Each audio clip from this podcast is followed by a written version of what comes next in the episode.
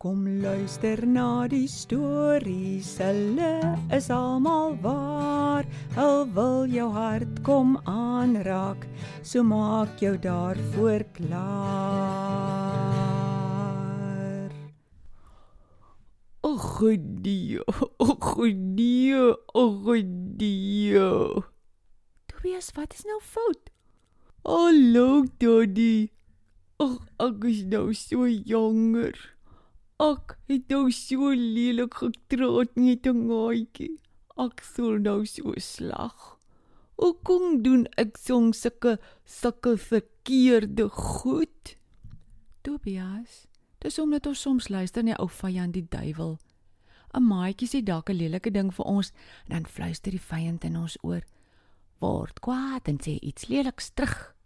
Dan dink ons nie altyd so mooi nie en vra ook nie vir Jesus om ons te help nie en boem boem, daar spring die lelike dinge by ons mond uit. Oi, Daddy, ek wil nie dit so hê nie. Toe Jesus op die aarde was, het die vyand dit net hom ook gedoen. Kom ek vertel vir jou wat het hy met Jesus gedoen?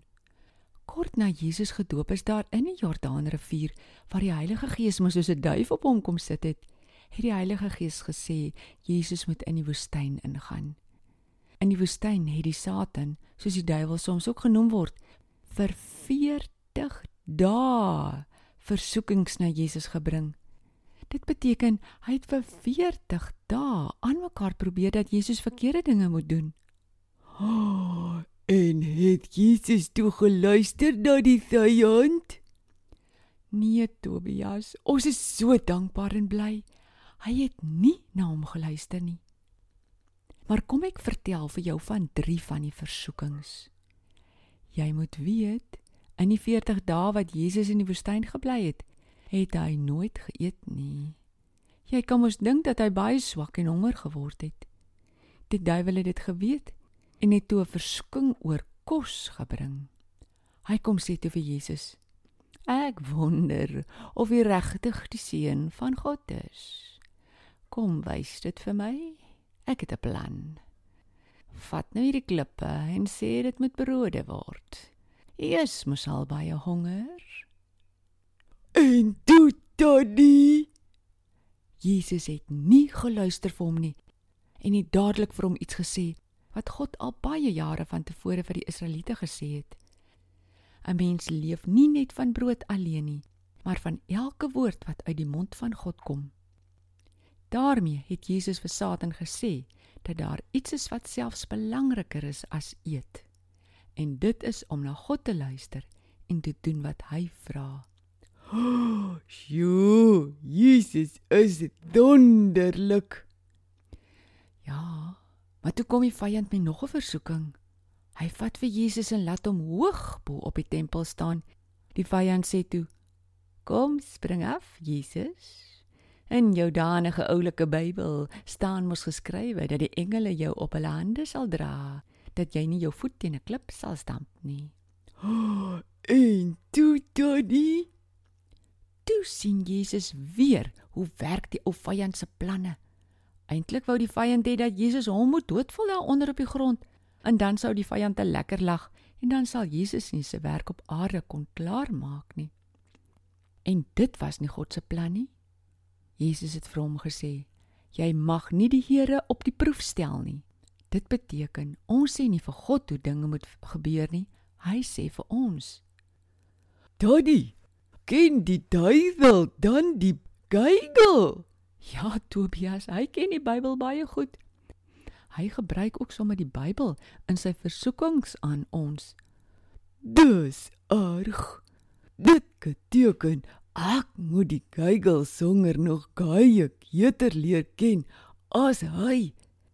En ek moet die Heilige Gees vra om my te help om die Geigel reg te verstaan. Jy is reg, Tobias.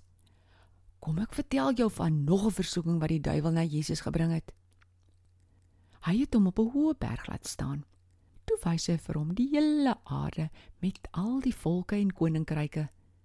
Die duiwel sê toe vir Jesus: As u nou vandag voor my kniel en my aanbid, sal ek al hierdie mense en dinge vir u gee. En dat sê Jesus toe. Jesus het geweet hy kan nooit nooit die duiwel aanbid nie. Die duiwel wou Jesus laat begeer om sommer kitskits die hele wêreld vir homself te hê. Maar Jesus het geweet dat later sal alles wel aan hom behoort.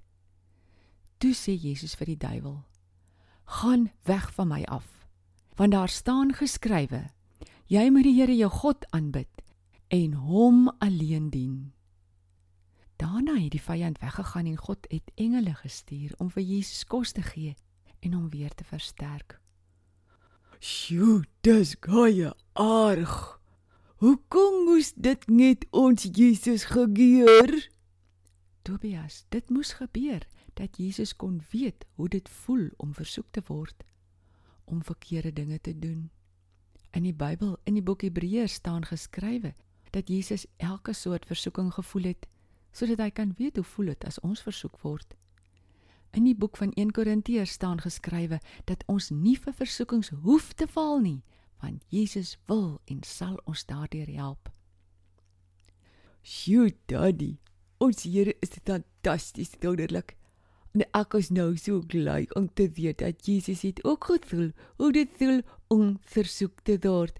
En ek weet nou ek moet dan elke dag vra om hy te help om nie te luister na die vyand nie. Hy wil my help. Tobias, Ons kinders en groot mense moet onthou dat ons niks sonder Jesus kan doen nie. Hy wil ons met alles help. Dankie, Daddy. Ek wil nou sanger sing. Maar ek sê dan eers tot sins tot die volgende storie. Tot sins, Tobias. Gai God, dis so groot, so sterk en so magtig. Dis niks dat my God nie kan doen.